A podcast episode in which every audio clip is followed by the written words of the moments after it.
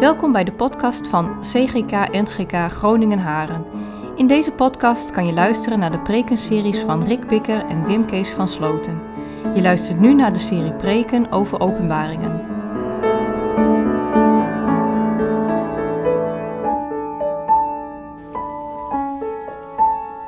Openbaring 1. Nou, gemeente.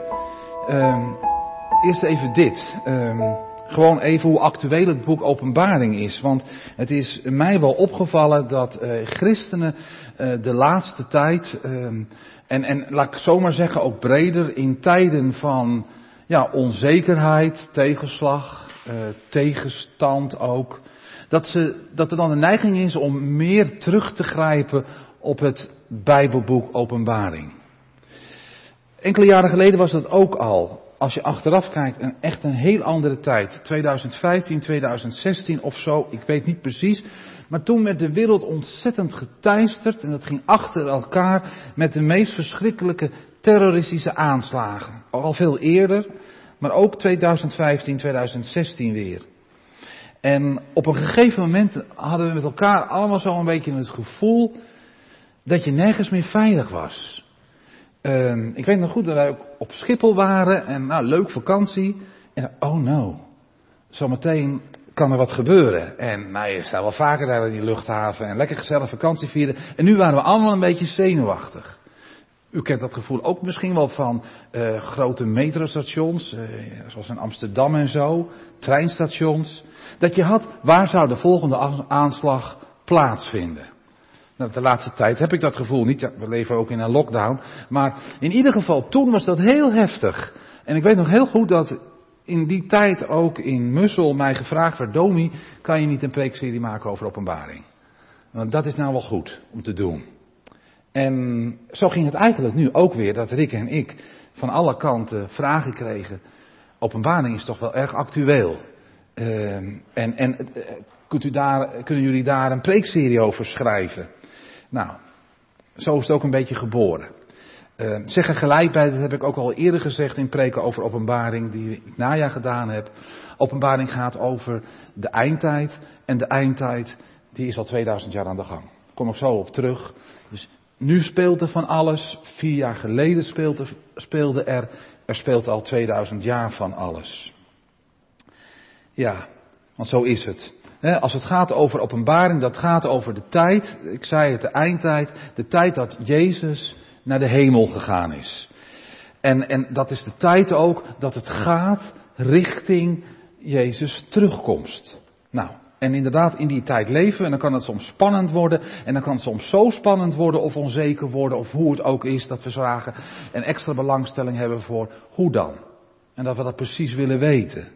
En hoe we onze tijd nu kunnen duiden uh, in dat alles van openbaring.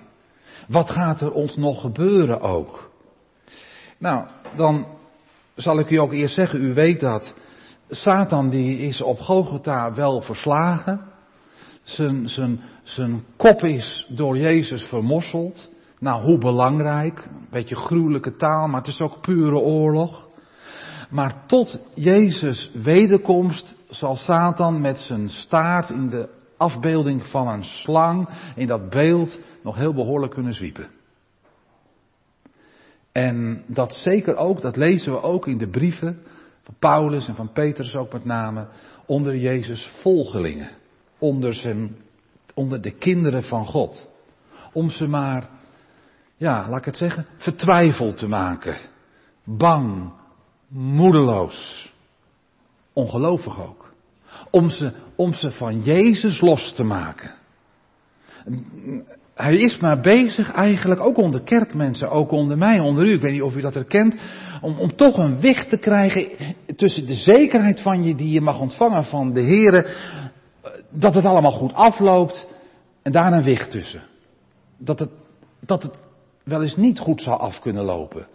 En, en, en, en komt Jezus echt wel terug en breekt het dan wel echt eeuwige redding aan? We zien er helemaal niets van. En, en komt dan ook die definitieve uitschakeling van Satan? Hij wil het zo ongeloofwaardig maken als wat? Nou, dat is de ene kant van het zwiepen wat Satan doet, twijfel zaaien. Aan de andere kant is hij ook bezig, en ik noem dat ook net zo goed kwaadaardig sweeper, met andere tactieken. En dat zijn eigenlijk veel meer, ja, eigenlijk heel, hele sympathieke, hele redelijke en hele verleidelijke tactieken. Ik ga daar nou niet verder op in, maar, maar eigenlijk is hij voortdurend bezig van, ja, in de kerk en in de Bijbel en christenen om elkaar zeggen wel zo die kant op en, en Jezus achterna, maar, maar, maar ik zeg die kant. En, en de hele wereld probeert hij het na te laten zeggen. Zo gaan we, zo moeten we. Nee, nee, zo, nee, nee, nee, nee, nee, nee, niet achter. Nee, nee, Jezus en de kerk, geloof, museum en allemaal. Nee, nee, we gaan dat. En dat kan hij heel sympathiek doen ook, hè.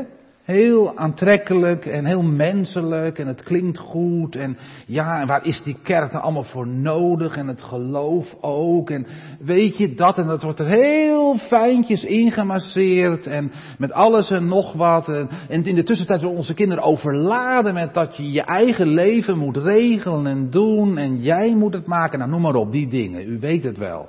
Maar je wordt er gek van, eigenlijk, als ik het woord mag gebruiken van een preekstoel. Zo is hij ook bezig. Heel verleidelijk, heel sympathiek. Maar één ding, dat is de core business van Jezus af.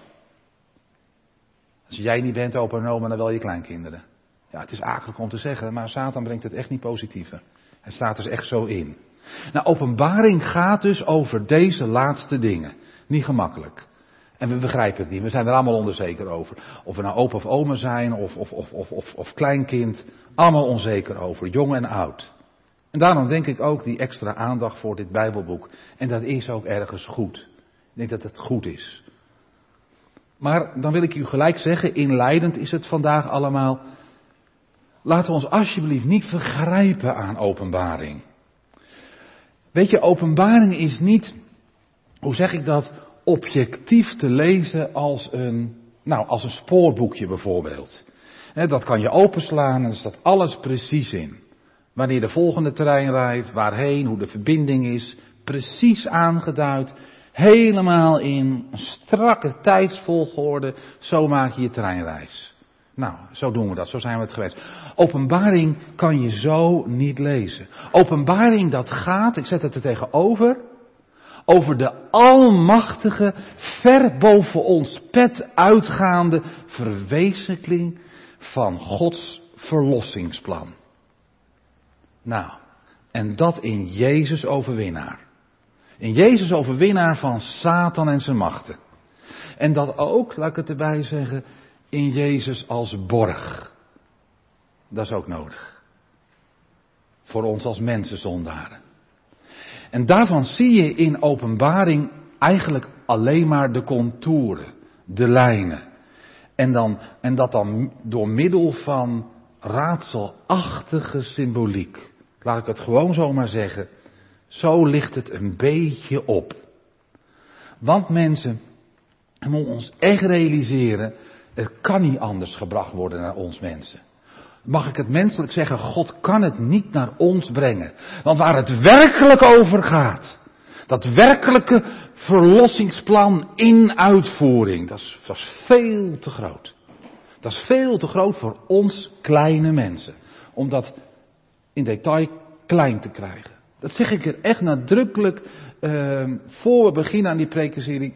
Uh, nu, dat is heel belangrijk. Want daar kunnen we ons zomaar aan vergrijpen. Weet je, dat, dat, dat, dat, dat grote, ondoorgrondelijke plan van God al 2000 jaar, ook nu op dit moment. Dat is Gods raad. En dat is voor mensen, nou niet vaak, altijd raadselachtig. En daarvoor, hè, en dat is heel belangrijk, daarvoor is één ding nodig. Een geloofshouding. Een, een geloofshouding met geloven in ootmoed. Ik ben maar klein. En de Heer is groot. Dat is nodig met geloven in overgave. Jezelf helemaal losmaken van eigenlijk alles van jezelf en zeggen, heren, we vatten het allemaal niet. Helemaal niet. Maar dank u wel. Maar dank u wel. En weet je, wat je dan uiteindelijk onder de streep overhoudt, in die zin dat het duidelijk is voor je, dat zijn twee dingen. Jezus is overwinnaar van Satan. Dat krijg je mee. En twee, nog een keer, het is een beetje herhaling, maar om het u te laten voelen, Jezus is bloedborg. Kruis, bloedborg voor onze zonde. Net zo belangrijk. En daar komt dan bij, eigenlijk bijna in elk hoofdstuk, de vraag of hij dat voor jou is.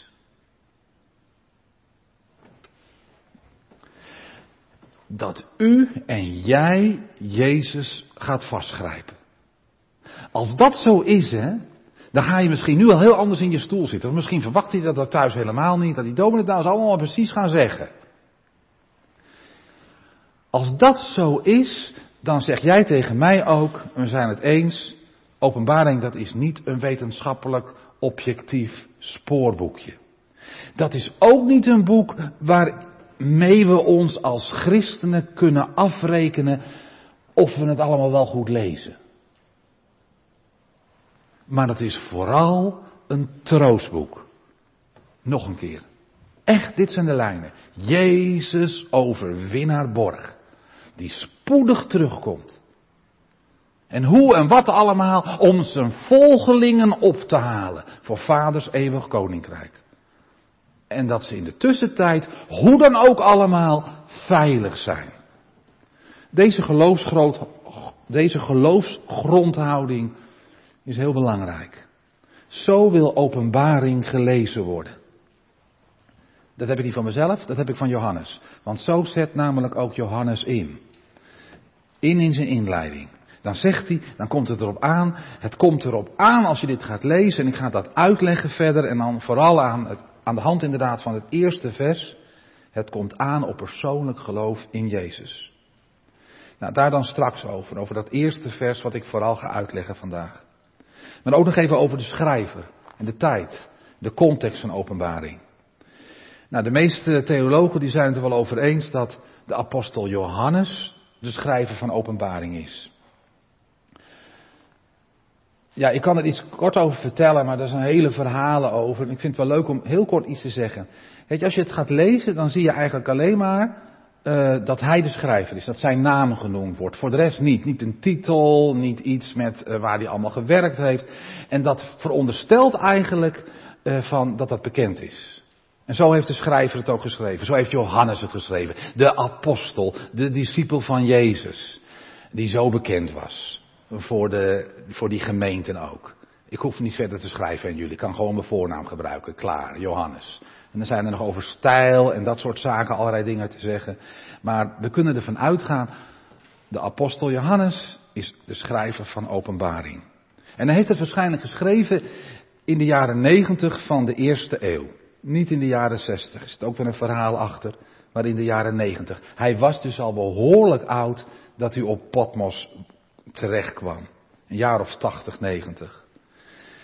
En dat was ook een tijd, die jaren negentig, van enorme, heftige christenvervolging. Christenen als fakkels in de tuinen van de keizers. Nou, voor de leeuwen, u weet het wel, het was die tijd. Keizer Domitianus deed er behoorlijk aan mee. En ook Johannes in Klein-Azië, ongeveer de tegenwoordige Turkije daar, mocht het niet langer over Jezus hebben. En niet langer voorganger zijn van de Efeze gemeente werd verbannen. Als staatsgevaarlijk. Zo is het echt gegaan. Naar het ballingseiland Patmos. Een beetje een granieteiland met van die marmermijnen. Waar al die eh, ballingen heen gestuurd werden. En die oude Johannes die moest er ook werken. En dan s'avonds, nou daar gaat het straks over, toen hij op het strand zat. Verlaten. Johannes heeft dan vervolgens die brief in eerste instantie aan zeven gemeenten in Klein-Azië geschreven. En daar zit ook symboliek achter, het getal zeven. Maar in eerste instantie, die zeven gemeenten worden ook genoemd, die heb ik u ook voorgelezen. Aan die gemeente is, is de brief geschreven. Maar wat we weten is dat deze brief ontzettend snel verder gegaan is. Dus een vuurtje is die uitgedeeld en overal terechtgekomen. Dat is buiten bijbels, maar dat is ook wel mooi te vertellen. Binnen tien jaar was die brief in het hele christelijke gebied bekend.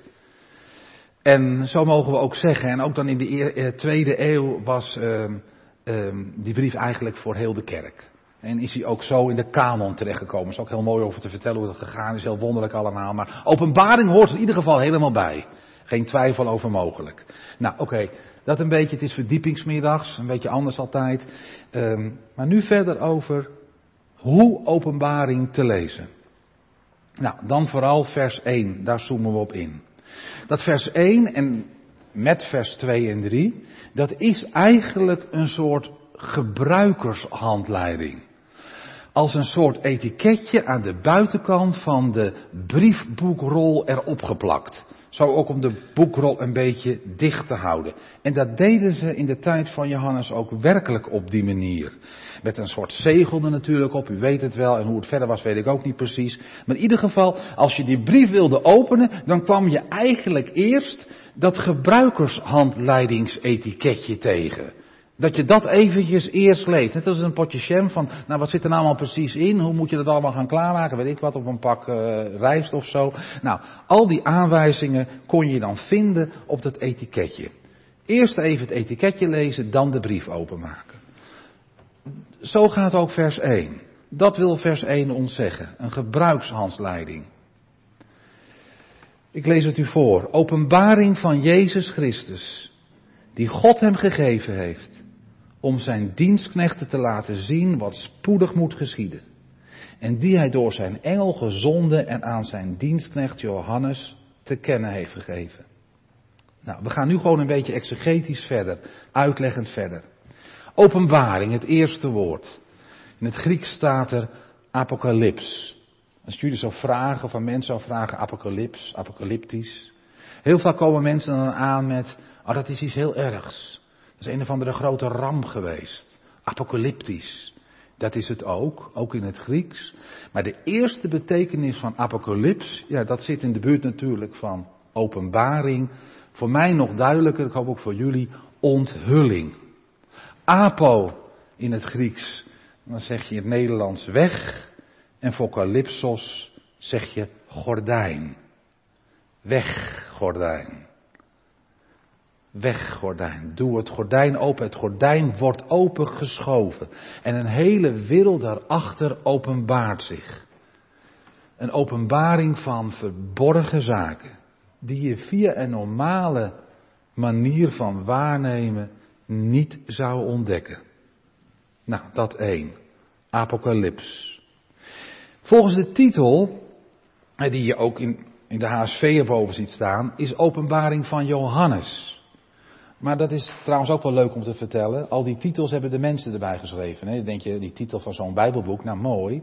Dat hebben de mensen er later, vaak eeuwen later, pas bijgeschreven. Dus ook de titel Openbaring van Johannes, dat stond er oorspronkelijk niet. Dat stond niet oorspronkelijk in dat gebruikershandleidingsetiketje. Wat er wel stond, nou hebben we gelezen, en dat is bijzonder, de openbaring van Jezus. Die God hem gegeven had. En dat is wel belangrijk, hè? Gelijk wordt je gezegd, ho, wacht. Het Bijbelboek Openbaring is een volledig goddelijke zaak. Is van Jezus, die het weer van de Vader had. En Jezus maakt het aan zijn engel bekend. En, en, en van de engel gaat het weer naar Johannes. Of Jezus maakt het direct aan Johannes bekend. Dan voel je het weer aan om even terug te gaan wat ik in de inleiding al zei. Het boek Openbaring, dat wordt echt in het inleidingje gelijk al gezegd, dat gaat over enorme, hoge zaken. Onbegrijpelijke dingen. Die onthulling van Jezus nodig hebben. Openbaring van Jezus. Die het weer van de Vader heeft. Als je dit boek gaat lezen, dan kom ik weer, ik benadruk het, heb je geloof nodig. Overgave. Heren, echt, dat is belangrijk. We kunnen zo de fout in gaan, maar dat je bij elk vers eigenlijk zegt dat u mij laat ontdekken wat u mij onthult. En dat ik niet zelf aan het onthullen ga. Maar dat doen we nogal heel gauw. Openbaring van Jezus. Daar is er trouwens nog meer. Dat is ook mooi om te vertellen.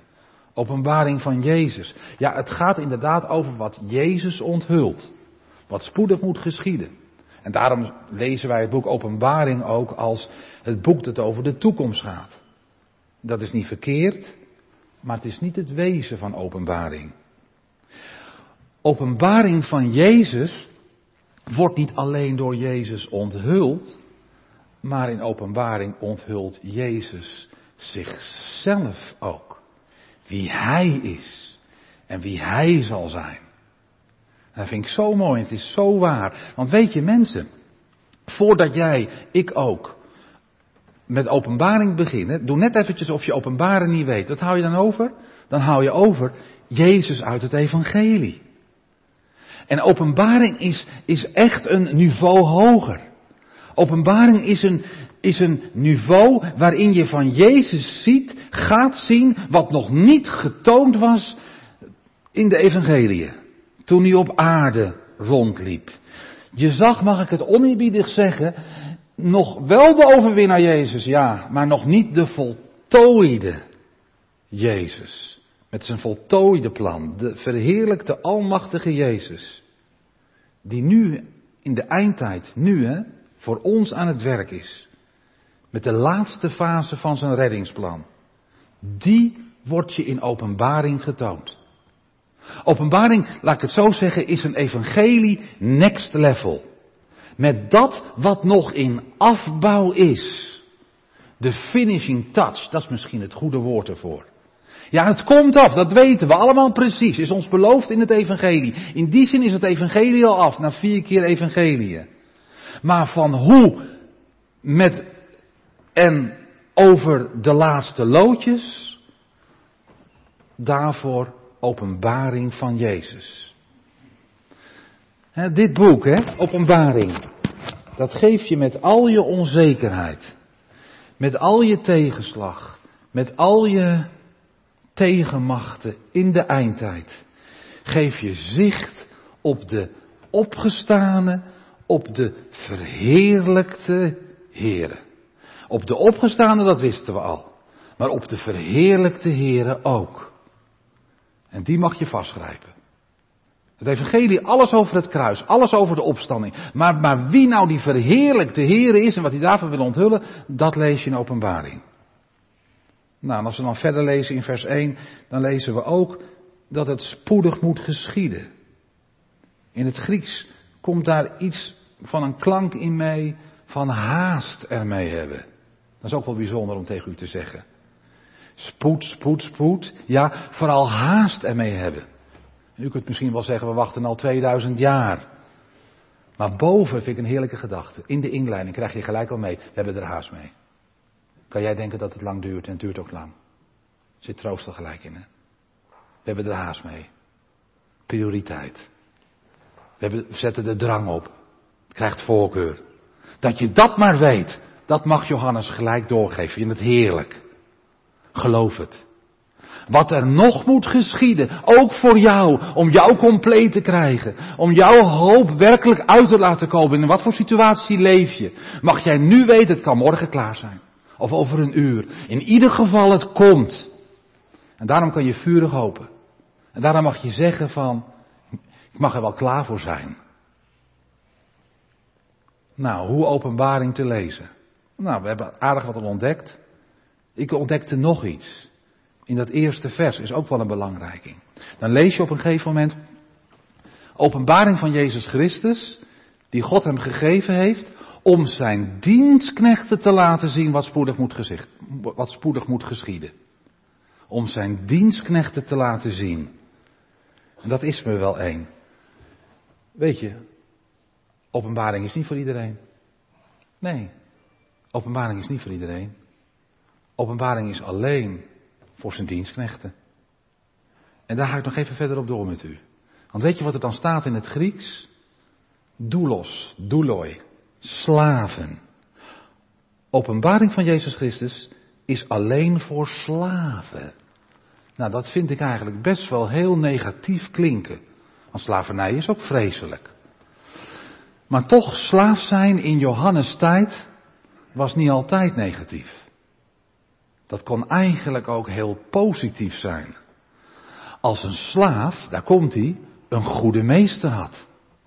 En het gebeurde dan ook dat armen zichzelf als slaven aan een goede meester verkochten. Die ze te eten gaf, die ze te drinken gaf, die ze een dak boven het hoofd gaf, die medische verzorging regelde, die ook zorgde als de slaven oud waren en niet meer konden werken voor de slaven. Het kwam zelfs voor hè, dat slaven gingen studeren, filosofie of voor dokter. Maar ondertussen bleven ze wel eigendom van de meester. Waren ze dokter, waren ze filosoof, maar ze bleven eigendom van de meester. Voelt u het aan? Voelt u het aan? Als je slaaf positief gaat brengen, dienstknecht, dan, dan is openbaring van Jezus nu in de eindtijd. Van zijn verlossing next level plan. De finishing touch voor hen alleen die volledig hem willen toebehoren. Naar lijf en ziel. Ik verzin het niet, Johannes zegt het. Dienstknecht, die leest er zo overheen. Doeloi, slaven. Slaaf van Jezus. Die totaal van Hem afhankelijk willen zijn. Voel je, dan komt die grondhouding weer terug. Die compleet willen gehoorzamen, compleet zichzelf misschien, mag ik het zo zeggen, een beetje voor gek verklaren van moet ik daar nou aan? Moet ik dat nou laten liggen? Ja, buigen, ootmoed, klein worden. Wat wilt u, heren, dat ik begrijp en zie en lees en versta? Ik kan niet anders brengen, gemeente, maar het is wel belangrijk. En na 18 keer, dan kan je zo denken, oh, dan gaat de dominee straks hebben over duizend jaar uh, dit en dat. Oh, maar dat hoor, ziet het zo en dit en dat en nu. Nee! Bescheidenheid, ootmoed, overgave. Ben jij van Jezus? Maar dat is ook een vraag, hè? dat heb ik al gezegd. Dan ga je zomaar naar voorbij gaan aan die vraag. al je drukte en je gedebatteer over openbaringen, dat je wel wil weten en even vertellen aan elkaar. Het gaat erom of jij een slaaf van Jezus bent. En mag ik het zo zeggen? Nou, dan ga ik verder. Dan ook voor jou vers 2. Zo prachtig. Die heerlijke garantie. Dat alles wat in Johannesrol geschreven gaat worden, dat dat Gods woord is. Hoe moeilijk en onvolgbaar het ook is. Dat het Jezus persoonlijke getuigenis is. Dat als je denkt, wat hoor ik allemaal? Dat je dan eigenlijk zegt, Heere Jezus, ik begrijp u helemaal niet. En wat moet ik er allemaal mee? Heere Jezus, het is maar beter dat ik een beetje klein blijf en het maar zo laat staan. Alles over, nou wat allemaal aan getalletjes en zus en zo. En Johannes was er zelf oog- en oorgetuige van. Ben jij van Jezus? Nog één vers. Dan ook vers drie. Dan ben je zalig. Dan ben je eeuwig gered en gelukkig. Dat zijn zij inderdaad, die Jezus Christus openbaring lezen of horen. En die deze profetische woorden in acht nemen. Daar zit trouwens, ik heb het hier niet staan, maar dat heb ik ook nog mogen ontdekken. Weet je wat daarin zit? Daar zit in, zij die het leest, zit eigenlijk in het Grieks, die het voorleest. Hij, zij die het voorleest en zij die het horen. Dat is de gemeente. Dat komt vaker in de Bijbel voor. Geloven doe je niet in een jupje. Ja, als moet kan het ook. Maar de bedoeling is voorlezen en horen. Samen gemeente zijn. Samenkomst. Dat zit er ook in. Prachtig hè? Dan ben je zalig. Als je die woorden gaat horen. En wat staat er dan ook nog als je die woorden in acht gaat nemen? Nou, dat vind ik een slechte vertaling eigenlijk. In het Grieks staat er iets mooier. In acht nemen, in acht nemen. Maar neem wel even in acht. Ja, heel zin. Nee, bewaren staat er. Nou, een mooie ring, wat doe je ermee? Die bewaar je in een doosje. Heel voorzichtig. Iets wat beschadigen kan, bewaar je. Nou, dat soort bewaren, dat is veel duidelijker. Bewaren, dat is iets koesteren. Iets koesteren, daar komt hij. Zoals het is. Niks aan veranderen. Helemaal goed. Al begrijp je het niet. Helemaal af. Niks meer aan doen. Helemaal klaar. Dat wil Johannes zeggen. Tegen mensen zoals ook ik hoor. Theologen, dan weet je, bomen discussiëren, dan gaan we weer. Dan rekenen we elkaar nog op af. Ik herhaal het maar weer een keer. Voorzichtig zijn. Geen eigen wijsheden eroverheen leggen. En eigenlijk elke keer alleen maar antwoorden. We vatten het niet allemaal, heren. We vatten het niet. Maar dank u wel. Nou, dit was het gebruikershandleidingsetiketje. We hebben het een beetje afgehaald nu. En nu gaan we een beetje starten, volgende week ook. Maar hoe heeft Johannes nou zelf Jezus' openbaring persoonlijk ervaren. Nou, kan ik kort over zijn. Zoals hij schrijft op zijn etiketje. Zo heeft hij het zelf ook ervaren. We slaan de aanhef van de brief even over, de versen 4 tot 8. Dat is heel mooi. Uh, daarin zie je ook dat echt het een brief is. Maar ik wil met jullie afsluiten met uh, de omschrijving, de beschrijving van Johannes. Van dat moment. Dat heerlijke moment. Van dat die balling daar, jaar of 80, 90, op Patmos zit, op een rots. En dat Jezus hem verschijnt. En dan gaat het allemaal beginnen. Biemerdoeken op de hemel. Ik weet niet hoe het geweest is. Gaten, deuren in die hemel. Geweldig. Ik ga er een impressie van geven, wat, wat hij toen zag in de versen 9 tot en met 18. Ik heb ervoor gekozen om meer op die inleiding in te zetten. Lees dit thuis ook nog maar een keer door, maar er zit heel veel in. Ik ga u alleen een impressie van geven. En zo gaan we naar aflevering 2, volgende week. Daar staat hij. Johannes. Op een verlaten strand. Turend naar de overkant. Daar is een gemeente. Daar, daar zijn gemeente. Daar zijn gemeente waar hij dat heerlijke en nodige evangelie had mogen brengen. En waar hij nog lang niet klaar was. Hoeveel had Johannes nog tot bekering kunnen brengen? Tot Jezus kunnen brengen? Dat zat er vanmorgen bij mij ook een beetje in. Ik was een beetje emotioneel. Maar die dingen komen mee ook als voorganger. Wil ik niet negatief zijn.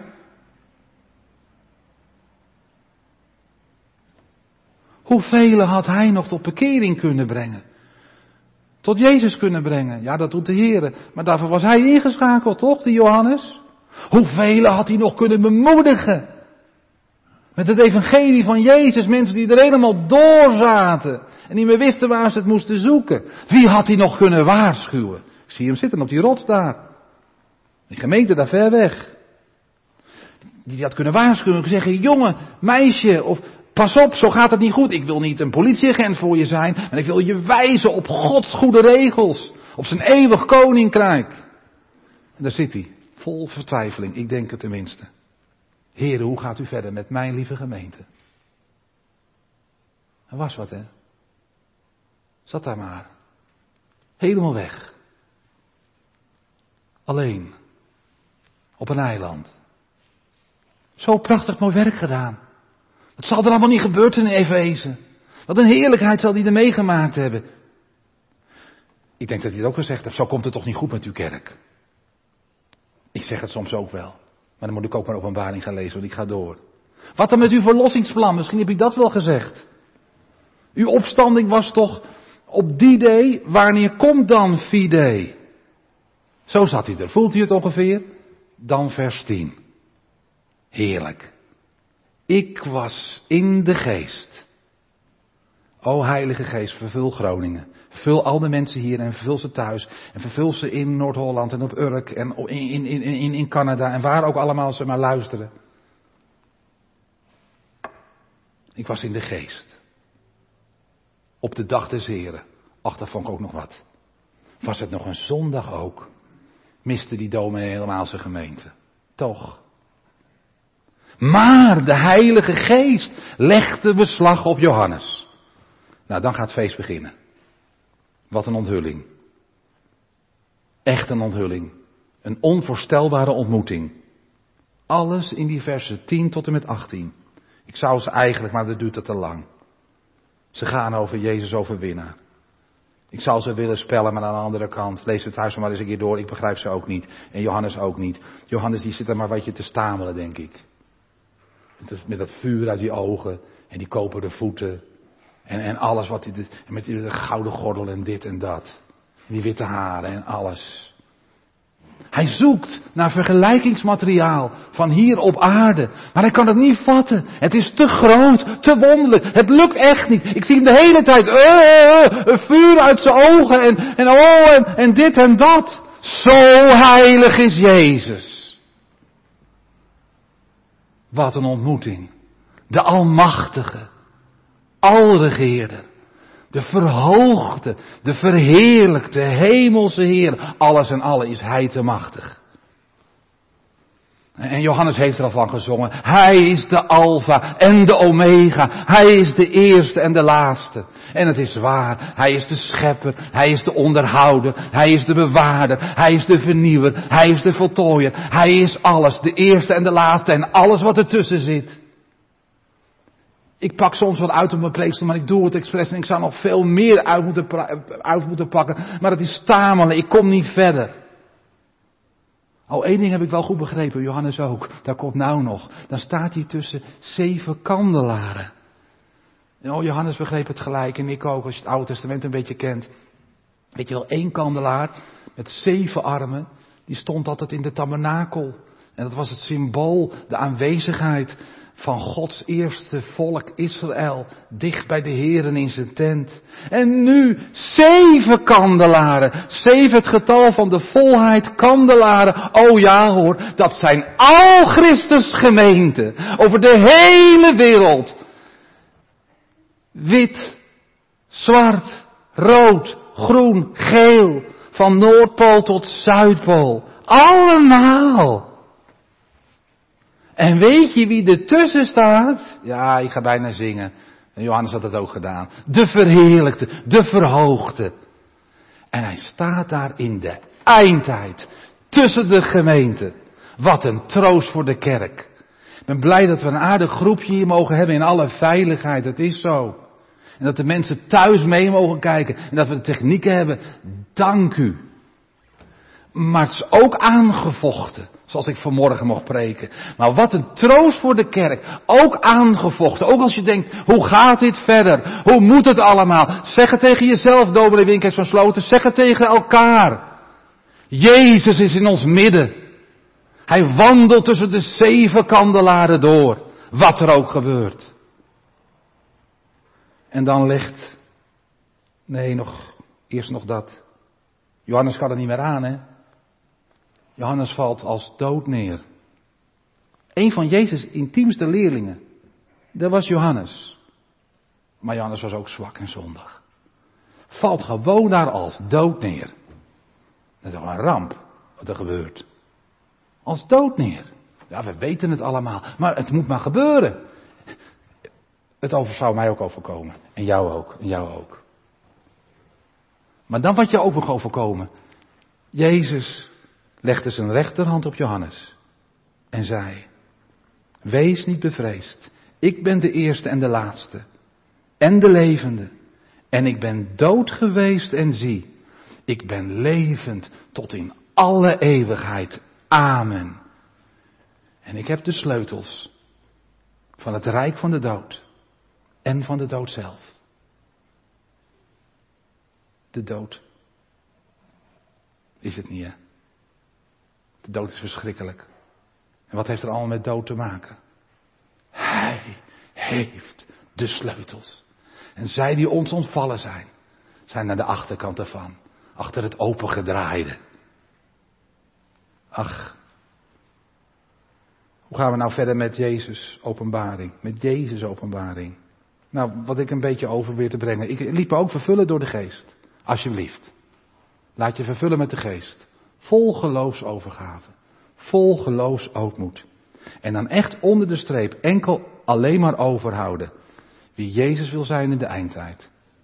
Een beetje repetitie vandaag. Gegarandeerde overwinnaar. Over Satan. Bloedborg voor zondaren. De Heer en Heiland. De weg tot de Vader.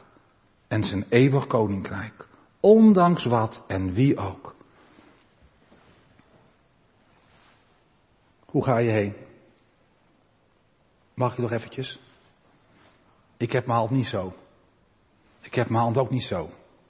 Ik heb ze ook niet in mijn zakken zitten. Ik heb ze ook niet zo zitten. Ik heb hem zo. Hem vastschrijvend. Dat is belangrijk, hè? Wij, u ook, zijn slaven. Houden we er gewoon in. Wij zijn slaven. Dan zijn bescherming. Zijn kracht. Hem afhankelijk. Hem gehoorzaam. Nou, als, dat het, als we zo gaan beginnen, dan wordt openbaring me toch een troostboek Next Level Evangelie. Over de finishing touch. Jezus komt. Dat is zeker. Amen.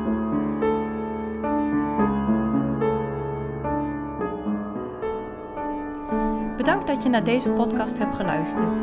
Wil je reageren? Stuur dan een e-mail naar podcast.cgk-gn.nl. Hopelijk tot de volgende aflevering.